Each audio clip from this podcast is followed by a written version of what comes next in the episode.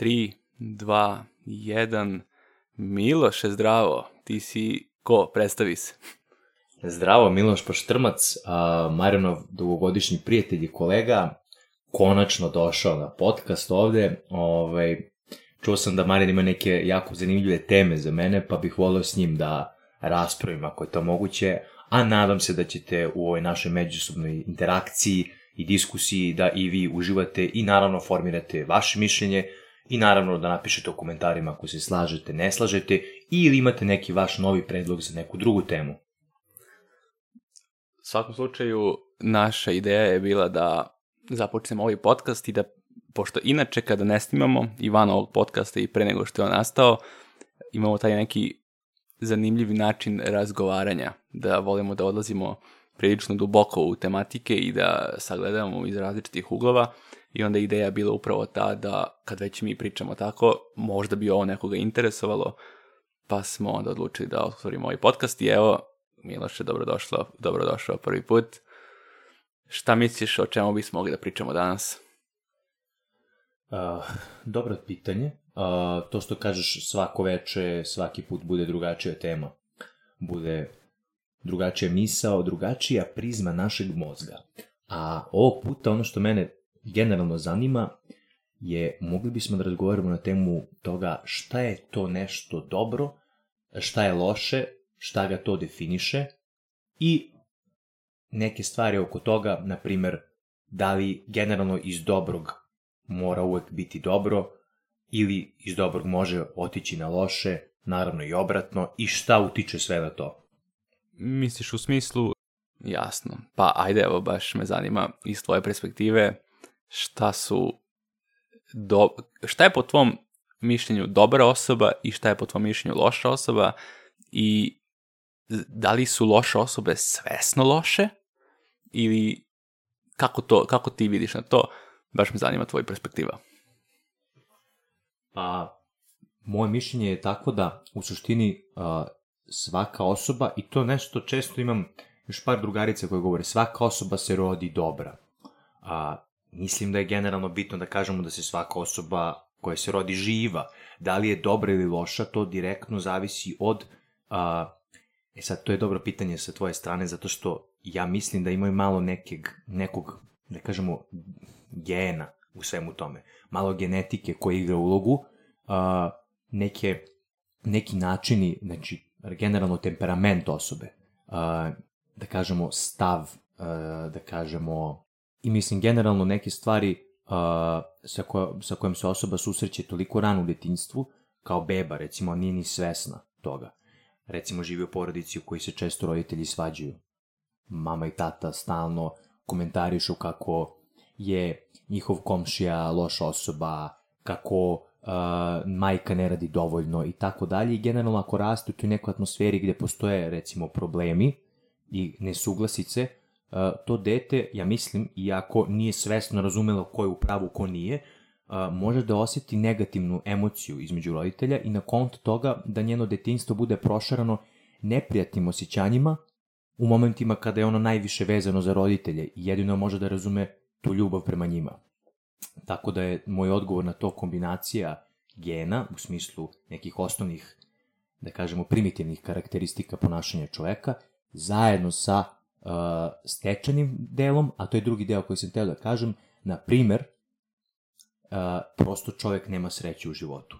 Prosto mu se desilo, na primer, da uh, njegovog najbližeg, da njegovog bliskog prijatelja udari automobil u njegovom ranom detinjstvu, doživi veliku nesreću, uh, izgube kuću u požaru. To su sve neki faktori od kojih maltene čovek ne zavisi i mislim da je to ta, da kažemo, ta stečena uh, da je to ta stečena uh, komponenta koja prosto na koju čovek ne može da utiče i zbog toga neki ljudi koji su čak dobri vremenom postaju loši zbog negativnih emocija koji, u kojima su stalno okruženi.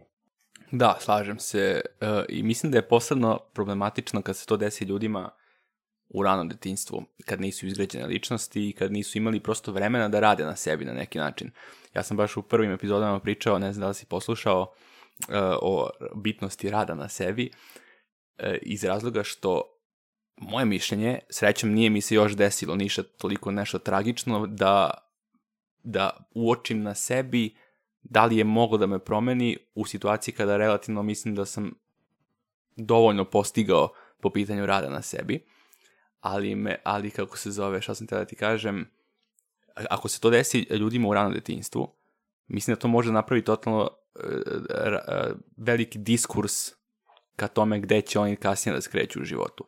Nasuprot tome, ako se neka straho, strašna katastrofalna stvar desi osobi u 30. godini, koja je do tad radila na sebi, uh, prilično je bila angažovana po tom pitanju, zna gde je, zna, poznaje sebe relativno dobro i tako dalje, mislim da bi čak ne mislim, nego sam prilično siguran da, ta, da takve osobe mogu da, da se suprostave tome i da iako su bile dobre osobe do tada i da nakon tog momenta ostanu dobre, čak šta više da takav, takav događaj utiče da one postanu eventualno još jače. E, zato je bitno na neki način, zato je krucijalno, ne bitno, nego krucijalno raditi na sebi, jer ne znam gde sam čuo tu priču, želiš da na sahrani svojih roditelja budeš osoba koja, na koju ljudi mogu da se oslone, a ne da budeš osoba koja će tad biti slaba i koja će tad biti u smislu nećeš moći da e, mislim da je jako bitno da se prosto bude spreman u takvim situacijama, jer takve situacije će neminovno doći. I ne želiš da te tragi, tragične stvari iskrvare i pretvore u lošiju osobu nego što si do tog momenta bio. E sad, da li su, a e sad mene zanima druga stvar što ti misliš o ovom pitanju, uh, loši ljudi koji su aktivno loši, dakle aktivno razmišljaju kako da prevare ljude, kako da uh, izvuku najbolje iz neke situacije na uštrb drugih i tako dalje, da li misliš da oni su, jer meni je vrlo čudno da neko bude aktivno loš. Kako mislim da mi imamo svi u srži po defaultu dobro. Ali onda odemo u loše. Ali Da li misliš da postoji i ta situacija da nekome u srži loše? I kako je to uopšte moguće? Znaš kako, Marine? Uh, po mom mišljenju, uh, jako je bitna stvar uh, psiha. Uh, generalno, ljudi se rađaju sa različitim psihičkim stanjima, u različitim psihičkim stanjima. Uh, postoje ljudi koji su, u kojih neki karakterišu psihički stabilni i postoje ljudi koji su psihički labilni. Uh, osobe koje su psihički labilne, u stvari su ljudi koji imaju veću šansu da vrše, da kažemo, digresiju od normalnih moralnih i nekih, da kažemo, filozofskih i generalno socijalnih shvatanja nekih stvari i da njihova mis, neke njihove misli postanu toliko, da kažemo, poremećene, da oni budu konstantno loši, međutim oni nisu ni svesni toga. Ja mislim da je tome problem, što ti ljudi imaju psihički problem tako, tako napravljen i formiran da on je njihova realnost uh, je takva da oni čine samo određenu vrstu čak dobra ili neutralnog, može čak i nemaju neku orijentaciju prema tome da je dobro ili loše, a svi ljudi oko njega pate. Recimo osoba koja svako jutro ustane i zna da zna dobro da krade, uzme i krade iz prodavnice, ne obraćajući pritom na pa, pažnju na to da ta prodavnica nakon toga ima određen stalno deficit uh, kada da kažem, na, kom, na, na stanju financije, međutim nije svestan da ta prodavnica stalno gubi uh, i da u stvari uh, on na neki način može da se karakteriše kao loša osoba zbog toga što uh, zbog svojih, da kažemo, mogućnosti, recimo sposobnosti da krade jako kvalitetno, u stvari oštećuje drugu osobu. E sad, nije bitno da li je ta druga osoba koja je u prodavnici dobra ili loša, Zato što uh, je stva, loša stvar prema kome god da je bila uperena. Nije bitno da li si ti učinio, kada bi rekli sad zatvorenik je tuko zatvorenika. Dok je spavao, došao i, i šutirao ga je u glavu. Kao, da li on dobar lik zato što udara osobu koja je loša? To je isto dobro pitanje ako bi volio da čujem tvoje mišljenje. Ali ja mislim da je to svakako loša stvar, mora da se gleda kao prosto prema ljudskom biću. Ne prema tome da li je dobro ljudsko biće, da li je loše. Ali recimo s druge strane isto dobro pitanje, da li je loša stvar ako ti ubiješ čoveka koji ti je upao u kuću i pretio nožem da će ti ubije čerku. Šta ti misliš o tome? Pa o, za, o, za ovu prvu stvar za prodavnicu, da, ili nije svestan da neko gubi novac zbog toga, ako je klinac, ta osoba, a ako je možda ra- starija osoba koja krade, mislim da je on prilično svestan da prodavnica gubi novac zbog toga, ali mislim da on opravda to na neki drugi način sebi. Na primer, to je neki bogat lik koji drži prodavnicu, neće njemu ništa da fali ako jedna čokoladna bananica gore dole. Ne shvatajući da je možda realnost, čak i da je, tako, da, čak i da je takva realnost, opet je nemoralna stvar. Ali je zapravo e, mnogo, če, mnogo realnije da prodavačica izgubi od plate koja je inako mala zato što na stanju nema onoliko koliko je e, bilo poručeno. Tako da nikad taj bogati lik neće u suštini u toj situaciji biti na oštećenju, iako ta osoba je to sebi umislila u glavu da bi opravdala svoje loše. Tako da možda to ide na, na prilog tome da ljudi su u srži dobri, čak i, čak i oni koji su loši, samo što ti loši imaju drugačiji mentalni sklop i prosto te loše postupke ne vide kao loše, nego opravdavaju ih sebi kroz neke druge stvari da bi sami sebi ostali dobri i da bi mogli da nastave da žive sa sobom u krajnjem slučaju. Iako posvest sve pamti i svakako negativno utiče na njih, možda na posvestnom nivou svaka, svaka ta od negativnih stvari. A što se tiče e, ovoga šta je moralno iz koje perspektive, to je ona večita dilema u filozofiji. Znam da smo mi u srednjoj školi, ja sam imao svađu sa profesorkom iz filozofije, zato što je ona bila e, za to da je moral e, univerzalan, i da ne može da se gleda iz subjektivne perspektive. Meni u tom momentu to nije bilo jasno, ali ja sam posle malo e, istraživao o tome i shvatio sam da ona u pravu. Tako da, mislim da ta škola učenja filozofije koja kaže da je moral jedan te isti univerzalan za svaku osobu u bilo kojoj situaciji i da su nemoralne stvari isto nemoralne u bilo kojoj drugoj situaciji, pa čak i u situaciji kada ti provalnik uđe u kuću i ti možeš ili da, da ga ubiješ tako što će da odbraniš svoje dete ili ženu ili porodicu ili da ga ne ubiš i pustiš da vas opljačka i možda vas ubije. Nemoralno je da ga ubiješ u tom momentu i to ne bi trebalo da uradiš. Ako uradiš to, ti možeš da opravdaš sebi ra, uh, isto kao i ovi što krade u prodavnici situaciju da si gubio zato što bi, ubio, zato što bi on inače on ubio tebe, nemoralna je situacija, ali mislim da se lakše živi za tim, bar imaš realno opravdanje sebi da si uradio nemoralnu stvar u toj situaciji, jer je to nešto što si prosto mora da uradiš iz perspektive porodice, ali da li je nemoralno bilo? Da. Bilo je nemoralno, prosto je tako. I mislim da sad, mislim zato je zakoni u nekim državama omogućavaju da zapravo i ne ideš u zatvor ako ubiješ nekog u svojoj kući. Naprimjer u Americi mislim da je taj zakon, u Srbiji ja mislim da nije. Mislim da bi išao u zatvor u toj situaciji kod nas. Moguće, moguće. To me na neki način mnogo navodi na to da je u stvari loša osoba stečeno loša osoba.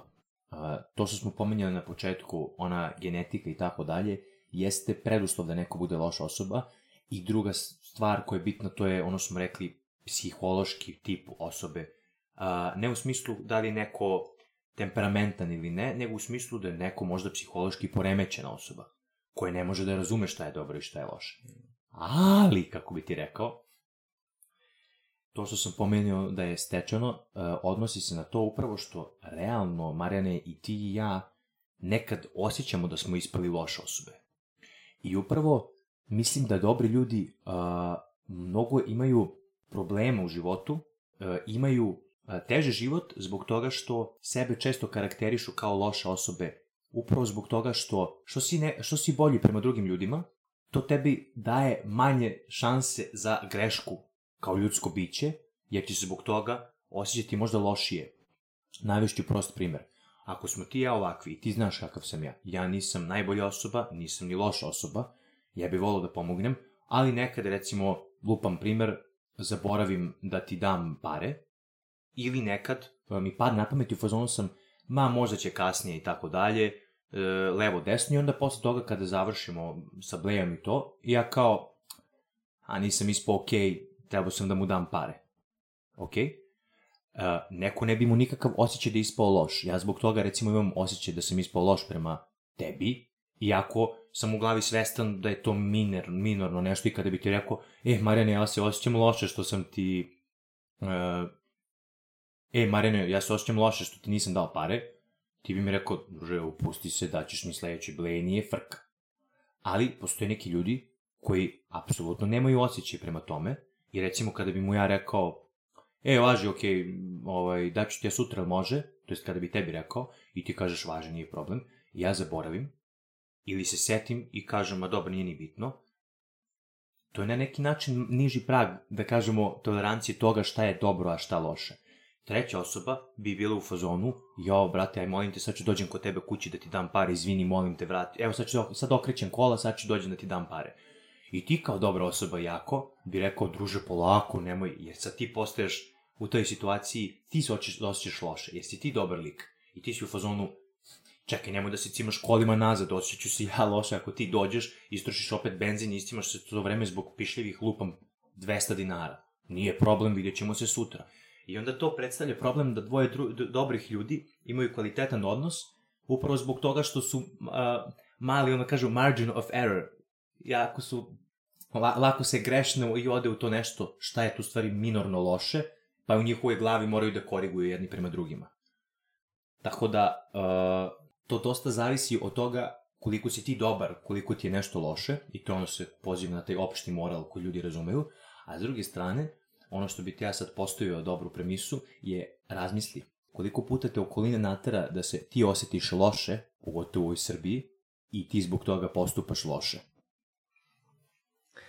Pa, pazi, e, ljudi, hteli to ili ne, neki ljudi, neki to rade bolje, neki lošije, manipulišu ljudima.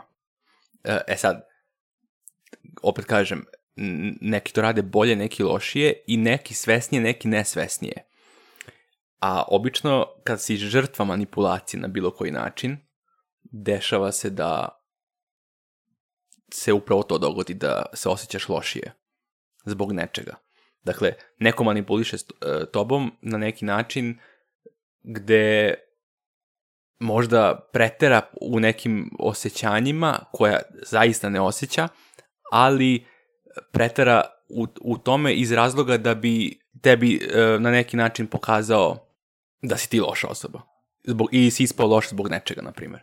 Misliš u smislu kada bi ja, recimo, bio u fazonu, uh, vidim da ti nisi odreagovao kao da ti je loše oko nečega i ja podsvesno ili nepodsvesno tebi hiperbolišem moju emociju, jaoj, kao ovo, ono, malo izdramatizujem, da bi ti se upravo osjetio loše i na taj način ti kao bolje razumeo šta si loše uradio. I ne, ne samo to, nego, na primjer, u vezi to, to često može da primetiš da se neki ljudi uh, namerno urade upravo to i onda se naljute, neće da pričaju sa drugom osobom, i, i ne znam ja šta, i kad, ti, kad se tako na taj način naljutiš, nećeš da pričaš s nekom osobom, nećeš da izregulišeš te stvari, to je na neki način vrsta manipulacije. Ti sad teraš tu osobu da se ona osjeća loše, zato što, zato što je tebi loše, i onda dolazi do toga da se ona tebi javlja, mislim, ta osoba, ne, da li, bez obzira da li je muško ili žensko, bukvalno se dešava u obostrano ista stvar.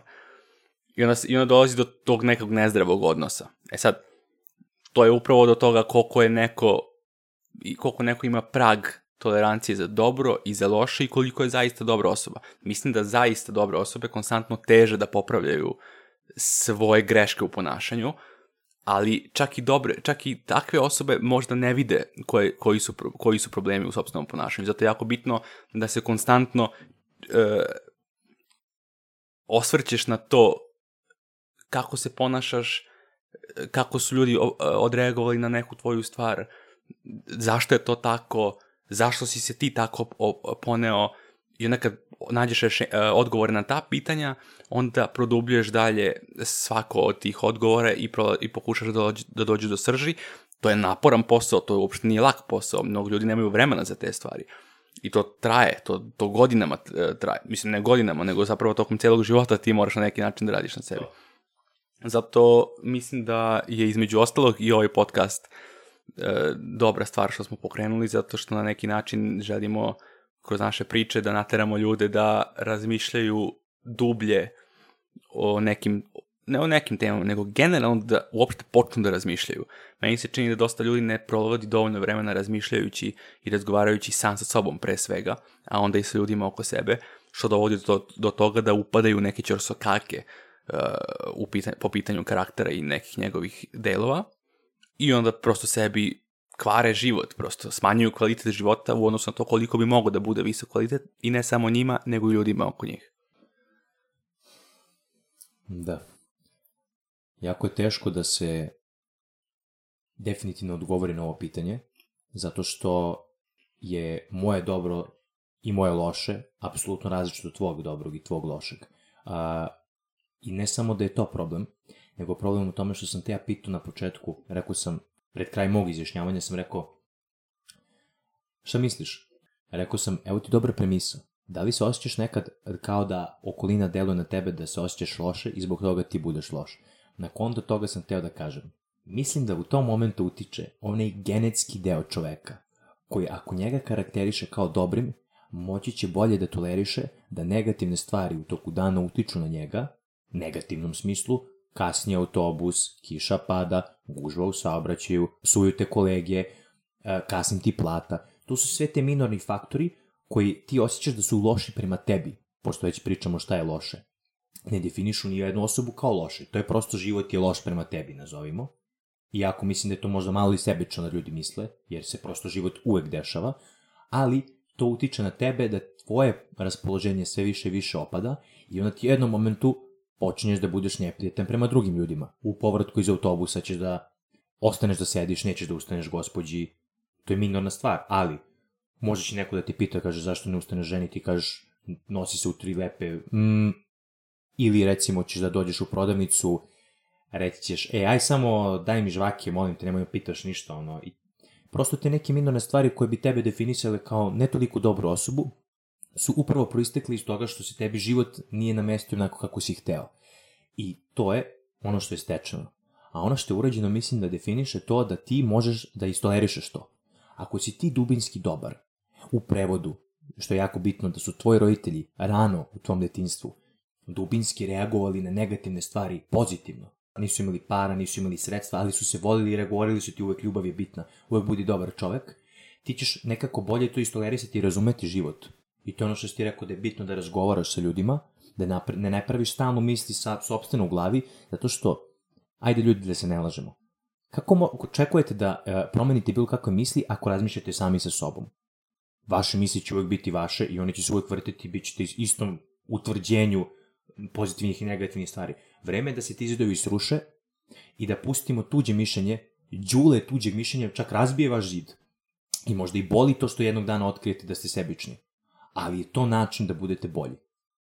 E, i samo za kraj, uh, pa ćeš ti da nastaviš na konto ovoga, uh, ljudi koji su genetski, uh, tako, to smo sad mi nazvali genetski, nasledno, prosto lošiji, uh, tendenciju veću ka lošije, mislim da njih lakše deluju te negativne stvari iz okoline i samim tim uh, oni mnogo teže mogu da se vrate u dobru osobu, a mnogo lakše da odu u osobu koja će loše de, loša dela da propagira prema drugima.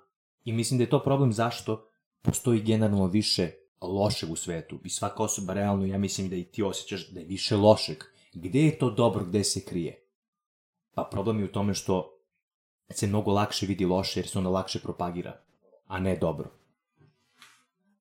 svakako način života trenutan i ova tehnologija i društvene mreže ne idu u prilog tome da se vidi više dobro ili loše. Iz kog razloga?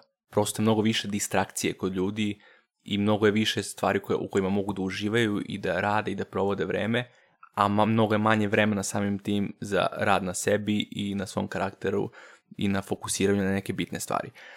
Ja se slažem da za ovo što si rekao, što, ka, što ti kažeš nasledno je neko loš, odnosno neko ima loše detinstvo, loše traumatične stvari ili trenutno mu se život ne poklapa. Spomenuo si kasni plata, buzg, čeka ga previše, ljudi su, ljudi, poklopio mu se loš dan, to se dešava. Ali, mislim da protiv otrov za to je upravo ono što sam pričao, a to je postavljanje ciljeva svojih u životu. Jer kad postaviš ciljeve u životu, ti na neki način transformišeš svet oko sebe i transformišeš, e, e, a kako ga transformišeš? U to, rekao sam, bitne stvari, nebitne stvari i loše stvari. I sad, u toj situaciji, ti možeš da odeš u prodavnicu nervozan, zato što si, zato što si čekao bus pola sata pre toga, kasnila ti je plata, e, ima, posađao si se sa devojkom ili ženom, šta god, to sve može da utiče. Ali, ako, ako imaš neki konkretan cilj u životu, ili si relativno skoro neki veliki svoj cilj postigao i onda si postavio drugi i sad ideš, već planiraš kako ćeš uh, oko toga da se fokusiraš, tebi onda mnogo ovih loših stvari koje bi ti inače iznervirale nekako više upadnu u kategoriju nebitnih na neki način. Očim, osim ako te stvarno ne sprečavaju, na primjer imaš sastanak koji ti je bio jedan od ciljeva, ciljeva da ga imaš i onda se dešava da nemaš bus ili da rade ulicu pa ne možeš da prođeš, tad je opravdano da budeš loš jer to jeste loša stvar u tom momentu, aktivno loša, sprečava te da postigneš svoj cilj. Ali kad imaš, ali ako si u nekom stanju u životu, iako ti se život nije poklopio, ako ti se ne poklapaju neke stvari na kojem nemaš kontrolu, ali si ove stvari koje si jurio relativno skoro postigao ili si blizu da postigneš, mislim da ti to stavlja neki, neki, neko trenutno stanje koje je mnogo pozitivnije i smanjuje šansu da će ti da se iznerviraš za tako neke relativno nebitne stvari i da ispoljiš to da si loša osoba u nekoj nebitnoj situaciji kada ne bi trebalo, kao što je upravo to u prodavnici što si spomenuo ili u busu nećeš da ustaneš zato što si radio ceo dan ili je kasnila plata pa se izdrkavaš na roditelje ili na, ili na ukućane, na ženu, na decu, zavisi u kom se periodu života. Tako da mislim da je i to opšte stanje koje možemo da jurimo da postignemo u životu bitno iz razloga što će smanjiti šanse da nas izbaci iz takta ovako neke stvarno loše i glupe stvari koje se svakako dešavaju. Samo ću reći vera. To je sredstvo kojim se postiže taj cilj tvoj, realno, a to je da veruješ u taj cilj. Niko drugi ne može da ti uh, kaže da li će da ga postigneš ili ne, jer život ne bi bio život, da ti znaš prosto. I to mi najsmešnije stalno izlazi na YouTube-u. Provereno budi milioner za mesec dana. Ne. Mislim, uh, lako je reći i onda takođe isto kad ljudi kažu uh, postoji sva, uvek postoji osoba za svakoga. Ne! Kako bilo i CK rekao, to nije istina. I nemoj da budeš bezobrazan prema ljudima koji ne žele drugu osobu ili nemaju drugu osobu, zato što njega stavljaš u tu poziciju da se on osjeća defektno zbog toga što ne može da nađe tu osobu.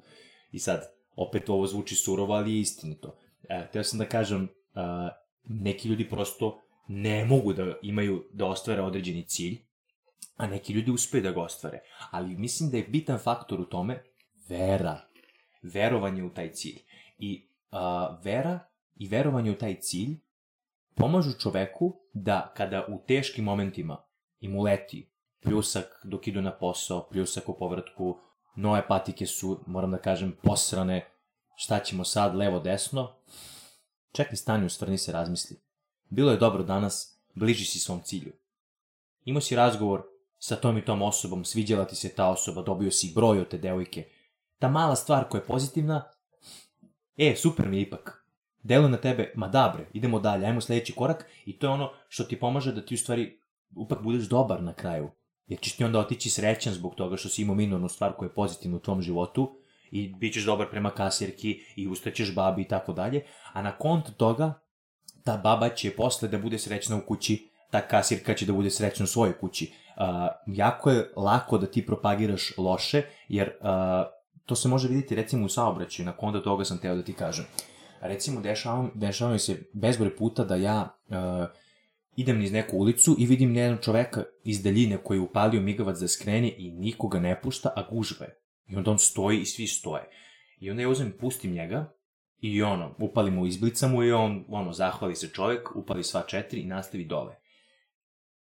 Bukvalno nakon 3 do 4 minuta, ja ne znam da li se ovo vama dešavalo ljudi, ali pišite u komentare, taj isti čovek pušta sledeću osobu vrlo rado, nakon par minuta.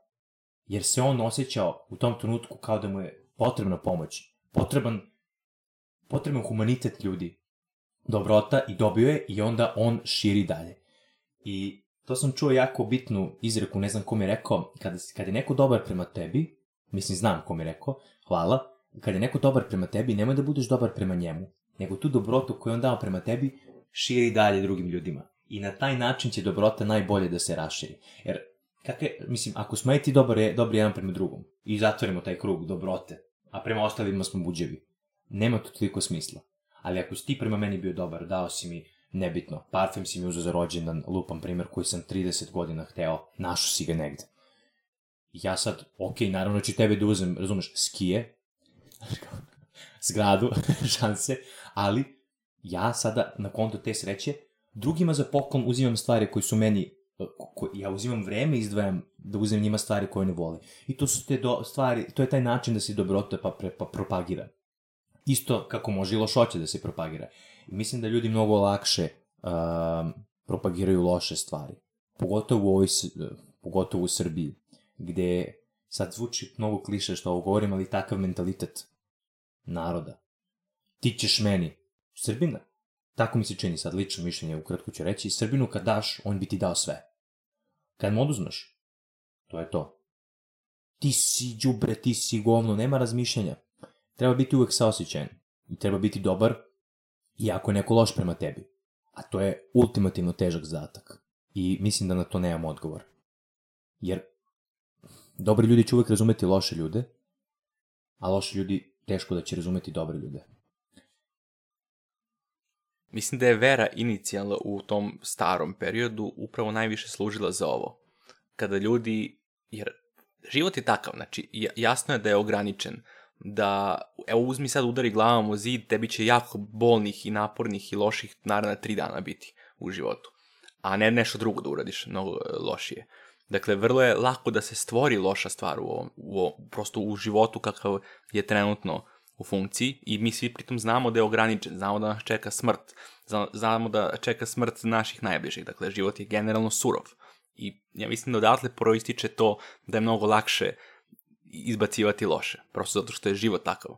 Da je život da, da ti udariš u zidi da te ništa ne boli i da znaš da živiš beskonačno dugo i da znaš da ti ništa ne fali, da ono sve, svega ti je dovoljno beskonačno dugo, onda bi se mnogo lakše širilo dobro zato što bi voleo da u tom beskonačnom životu svako bi voleo da živi u nekom, ne, nekoj lepoj sredini, da nema smeća, zato što će živeti za Boga beskonačno.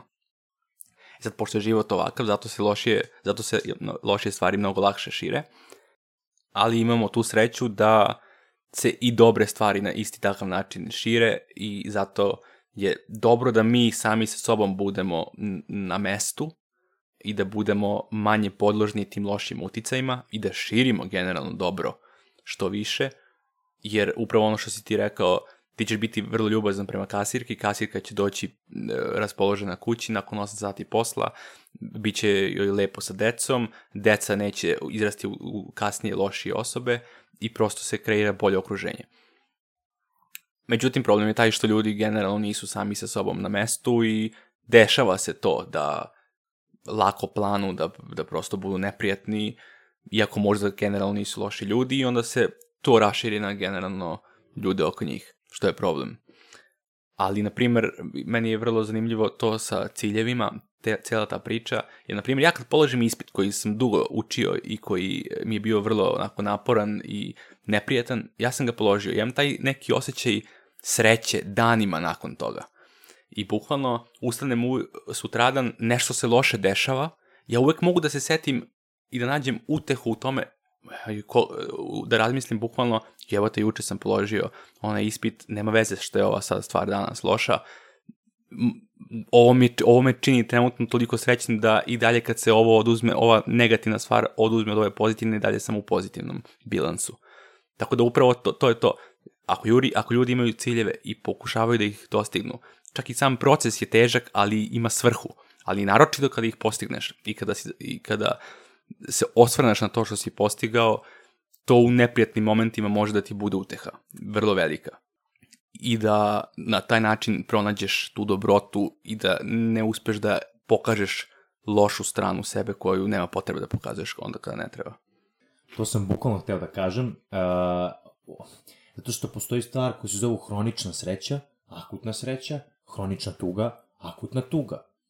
Ti u toku dana imaš bukvalno bitku između akutne sreće i tuge. Bum, lep ti je tost ispao, međutim jogurt se pokvario, krenuo si na posao, zakasnio si na autobus, ali je bio prazan i tako sve neki čap, čap, čap, čap, čap, čap, čap, koje mogu da utiču da se ti u tom trenutku osjećaš srećno. Kao što ljudi recimo koriste ono, to jest masturbiraju i onda imaju taj neki osjećaj akutnog seksualnog zadovoljenja, međutim posle toga usledi hronično osjećanje koji mi je sa životom.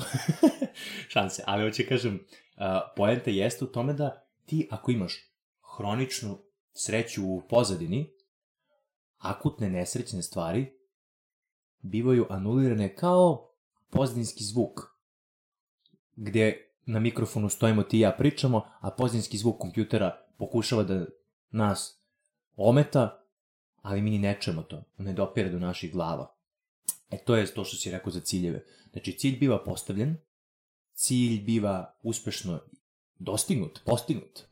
Recimo, to si rekao, ispit položen.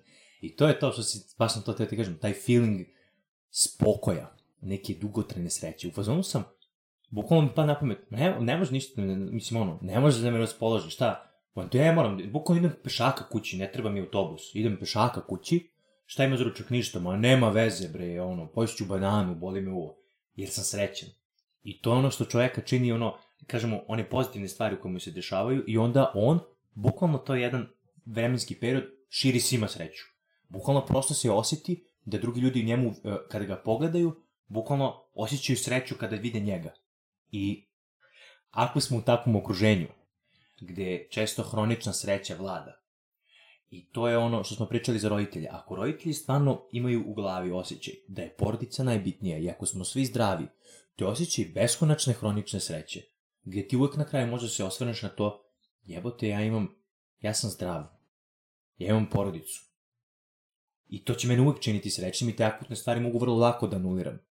Za razliku od nekog ko recimo ima hroničnu nesreću i ne vidi recimo, njemu nije bitno što njemu porodica živa i zdrava, ali njemu bitno činjenica da je njemu auto pokvaren i ne radi već pola godine i on već pola godine hronično nesrećan.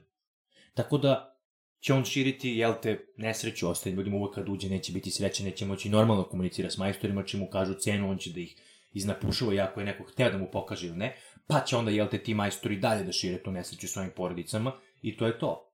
Tako da je poenta, u stvari, postaviti ciljeve, naravno ne mislimo samo Marijan na poslovne ciljeve, nego emotivno životne ciljeve.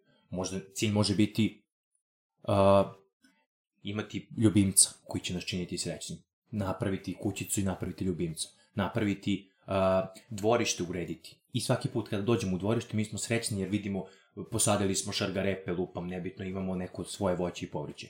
Može biti činjenica da smo prestali da pušimo, može biti činjenica da nam dete uspešno u školi. I to su te bitne stvari koje mi treba u glavi da postavimo kao ciljeve koji su realno posti, koji su postižljivi, postizljivi, kako bismo rekli, i čini nas stalno srećnim, a ujedino i ljude oko nas čine srećnim i tako smo stalno okruženi u jednoj auri lepih osjećanja.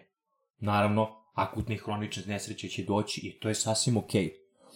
Ali lepo je biti 51% srećen, 50% nesrećen. Mislim da je to nešto što me, prema čemu uvijek treba da težimo. Da, apsolutno se slažem. Bukvalno ne bi ništa dodao, to je to. To je neka formula kako da se postigne dobro okruženje. Ja sam sada razmišljao dok si pričao, Zamisli na nedelju dana ceo svet aku, e, hronično srećan. Zamisli kako bi to okruženje bilo. Gde ti izlaziš iz kuće ili iz stana, pozdravaš se sa komšijom kojom je vrlo drago što te, što, te, što, što te vidi i tebi je drago što njega vidiš. Pozdravite, pozdravite se onako ljudski. Odeš do prodavnice, kasirka je pre, pre onako baš e, ljubazna prema tebi, ti prema njoj, izađeš, uđeš u bus, u busu de, e, gomila ljudi, svi se izvinjavaju jedni drugome e, za jed, zato što su se dotakli, gurnuli ili šta god. To bi bio fantastičan svet. Jasno je kakva je zapravo realnost, mnogo su mornija verzija toga, ali i, i sad, ne, kada pričaš s ljudima o tim stvarima, možda bi neki ljudi hteli da budu da, da se isforsiraju da budu stvarno bolji ljudi jer imaju prostora za to.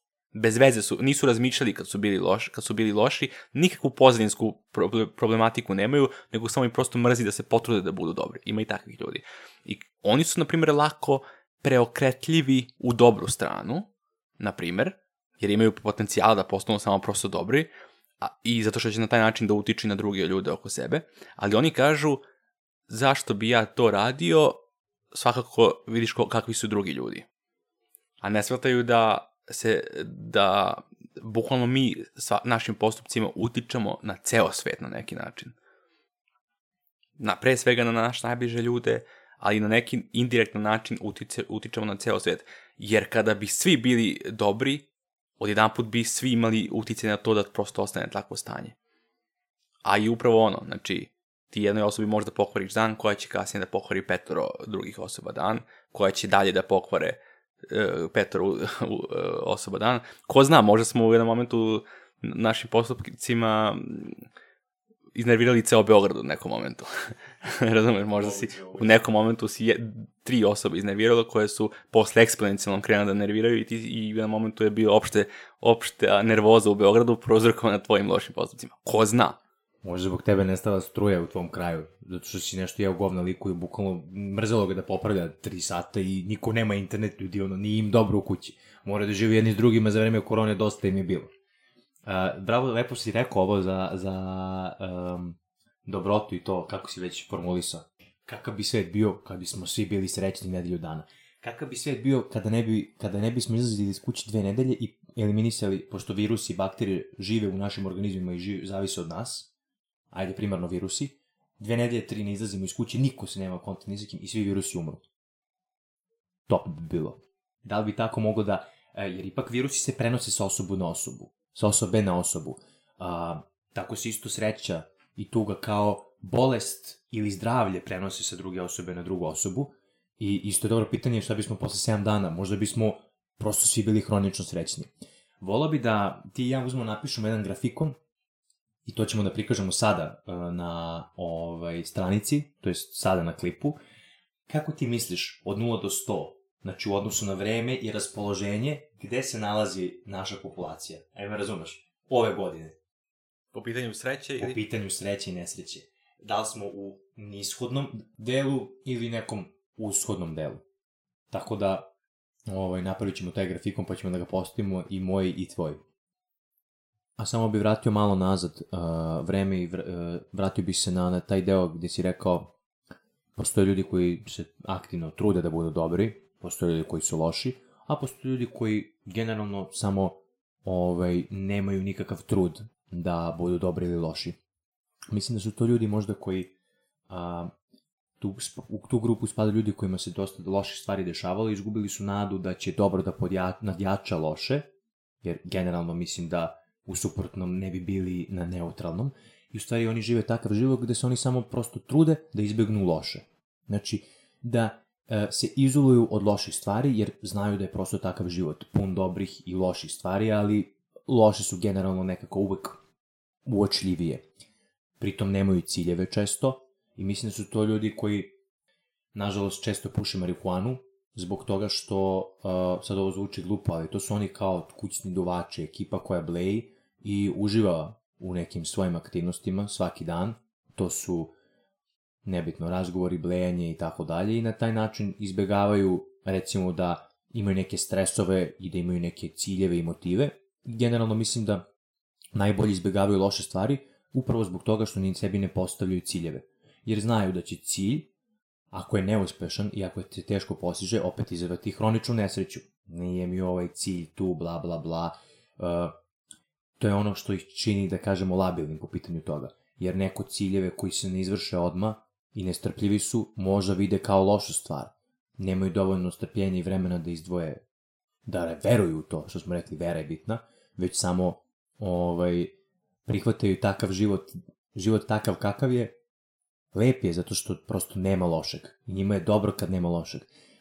To je ono konto ovoga što sam ti jednom momentu rekao, a to je, ti si rekao, spomenuo se lupanje glavom u zid. Prosto tu imaš vrstu ljudi koji su srećni ako jednog dana šef ne viče na njih. I to je neka posebna čudna vrsta sreće. to je kao kada bi ja, razumeš, lupio glavom i sve snage u zid, bolelo me jako i onda lupim šest dana lupam glavom u zid i onda pet dana prestanem da lupam. I kažem, kako mi je lep život, evo, bukvalno ne boli me glava pet dana. I ja budem kronično srećan što mene ne boli glava. Meni je super. Ali, razmisliš onda, pa, jesi mogu da se ne udaraš glavom u zid da bi bio srećan? e, to je dobar primjer, ali e, na šta je lup, lupanje u glavom zapravo u, figurativno? Rad, težak napor. Razumeš, to treba da se gleda tako. Ti, e, ta, to je tačno, znači e, zamisli da je lupanje glavom učenje, da je e, trening lupanje glavom, da je ne znam ja šta. Ti kad radiš takvu neku smislenu stvar koja je teška, šest dana, tako je, tačno je upravo da sedmi dan si srećen zato što preskačeš i slobodan si može da odmoriš od toga. E, za, e, to je upravo moment gde ljudi koji su vrlo uspešni, koji rade dosta, koji pro, pokušavaju da postignu mnogo, upravo u tim momentima oni nalaze sreću. Znači, a sa druge strane, paralelno, istu tu nedelju je proživljavao nek, neki, neki, neki lik, upravo ti si spomenuo e, ljude koji duvaju marihuanu prečesto. To je dobar primer za ljude koji pokušavaju da protraće samo vreme, ne postavljajući bilo kakve ciljeve i pro, pokušavaju da izbegavaju taj neki napor, odnosno lupanje glavom o zid i pokušavaju da, da, da izbegnu te neke stresove, to je tačno, ali sad zamisli uh, nedelju dana osobe koje, koja radi na ne, u, direktor, da kažem da je negde, imao je šest radnih dana vrlo stresnih, njemu je sedmi dan veoma srećan kada ne radi ništa i kada može da odmori, a ovim uh, drugim ljudima je sedmi dan isti kao i prethodna šest. I šta se dešava njima? Njim, on, oni polako, ali sigurno gube svrhu života, dok ovaj lik prvi, direktor, ima konkretnu svrhu. On mora da postigne ovo, mora da postigne ovo, ima ovaj rok, ima ovaj rok. Stres je, lupanje u glavom i o zid svaki dan, ali momenti kada postigne neki cilj, to je ta hronična sreća koju stvori sebi. I takođe akutna sreća tih dana kada može da odmori i da prosto relaksira se sa prijateljima ili sa porodicom, to je takođe nešto što ga čini srećnim. Dok sa druge strane, ovaj tvoj primer ljudi koji, koji to ne bi radili, nego koji bi blejali po ceo dan, njima se, ne samo da, znači, gube taj izvor sreće sedmi dan kada mogu da odmore, zato što im je svaki dan isti, i ne samo to, kad nemaju svrhu u životu, jer šta se desi kad nemaš svrhu u životu? Vremenom, ako ne radiš ništa, ne dešava se da se ništa ne menja. Ne, ne dešava se da, da je tebi isto sa 20 godina kada ne, pro, ne radiš ništa i sa 30 godina kad ne radiš ništa. I sa 70 godina kad i dalje ne radiš ništa i nemaš nikoga oko sebe. Nije isto kad nemaš porodicu sa 20 i kad nemaš porodicu sa 40. Dakle, oni ne samo što iz, e, oni pokušavaju da izbegnu trenutni stres, a na duže staze kopaju sebi rupu i upadaju u katastrofalnu poziciju i u toliku nesreću da će da prosto neće moći da se izvuku. Dakle, to kad ne radiš ništa, trenutno možda imaš taj neki izvor sreće jer kao odmaraš i blejiš i lagano ti je, ali vremenom ti kopaš rupu zapravo sebi i ulaziš u sve goru poziciju. Bićeš hronično nesrećan. Da. Apsolutno se slažem za to i upravo to što si ti rekao, ljudi koji nemaju te ciljeve i tako dalje, generalno daju sebi preduslov da budu hronično nesrećni. Nažalost. A da izađemo iz depresije, pošto bi se vratno par ljudi upucalo sad kad shvate kakvi su ljudi u odnosu na to naše mišljenje, naravno pišite u komentare ako mislite drugačije, pogotovo kapiram da će nam se javljaju ovi redovni duvači da kažu nije tako, meni je uh, duvanje hronična sreća, ja sam hronično zadovoljan kad pušim marihuanu, bla bla, što je moguće i uslov i slučaj, ali uh, vidjet ćemo u komentarima ovaj, argumente drugih ljudi. A to jeste pitam za kraj samo nešto jako zanimljivo, a šta misliš, pošto pričamo uvek o nekoj ljudskoj sreći i to jest tome šta je ljudsko dobro, ljudsko loše, moralno šta nije. Šta misliš, da li životinje imaju to dobra životinja, loša životinja u odnosu na ljude i da li jedna prema drugoj imaju osjećaj, u evo te, ovo je loša životinja. Samo prvo da ti kažem e, za marihuanu, ja sam apsolutno pro marihuana lik, da ne svati možda neko pogrešno, prosto to ako već postoji alkohol koji je legalan, onda apsolutno ne postoji razlog zašto marihuana ne bi bila legalna neka stvar koja je mnogo pozitivnije utiče na tebe u odnosu na ovaj bukvalno otrov koji je toliko duboko ušao u kulturu da se e, na slavama i na rođendanima popije po čašica, a ljudi ne stavljaju da je to toliki otrov. Ali nebitno to. Za životinje... Izvini samo, ja sam pro marihuana tip, nemoj da me karakterišeš ja. ko da nisam, nego samo sam naveo primer. Možemo i alkoholičare, to je još grđa varijanta. Naveo sam samo primer. Jasno, jasno, jasno. Duači opustite se. E, što se tiče životinja... Opušite joint lagano. što se tiče životinja, e, pa ne znam, ja mislim da one nemaju razum, to je jasno. I ta neka njihova svest o sebi i o svetu oko sebe je vrlo ograničena i primitivna.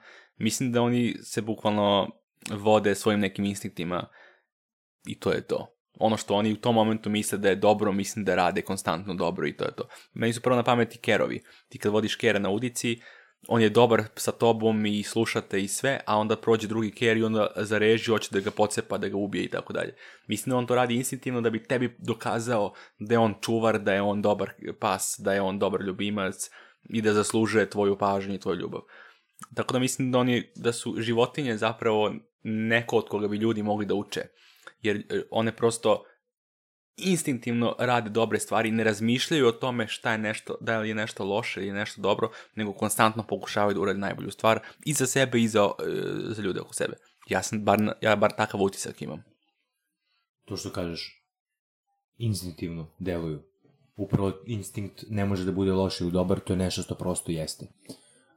Ali, ovo je, ne, ne mu kažem čak nepopularno, nego jako popularno razmišljanje među ljudi, a to je kerovi su divni, kerovi su dobri, a mačke su pokvarena džubrad. Ne znam da li si to čuo, a ljudi generalno intenzivno mrze mačke zbog toga što su takve kakve jesu. Ker će da ti, kad mu daš hranu, da bude tu. Kerovi, vidio si sam koliko, pri, koliko dokumentaraca ker na grobu od čoveka leži mesecima, neće da jede ništa, ono. Mislim, uh, generalno kerovi su ultra vezani za svoje vlasnike, a mačka znaš kakva je.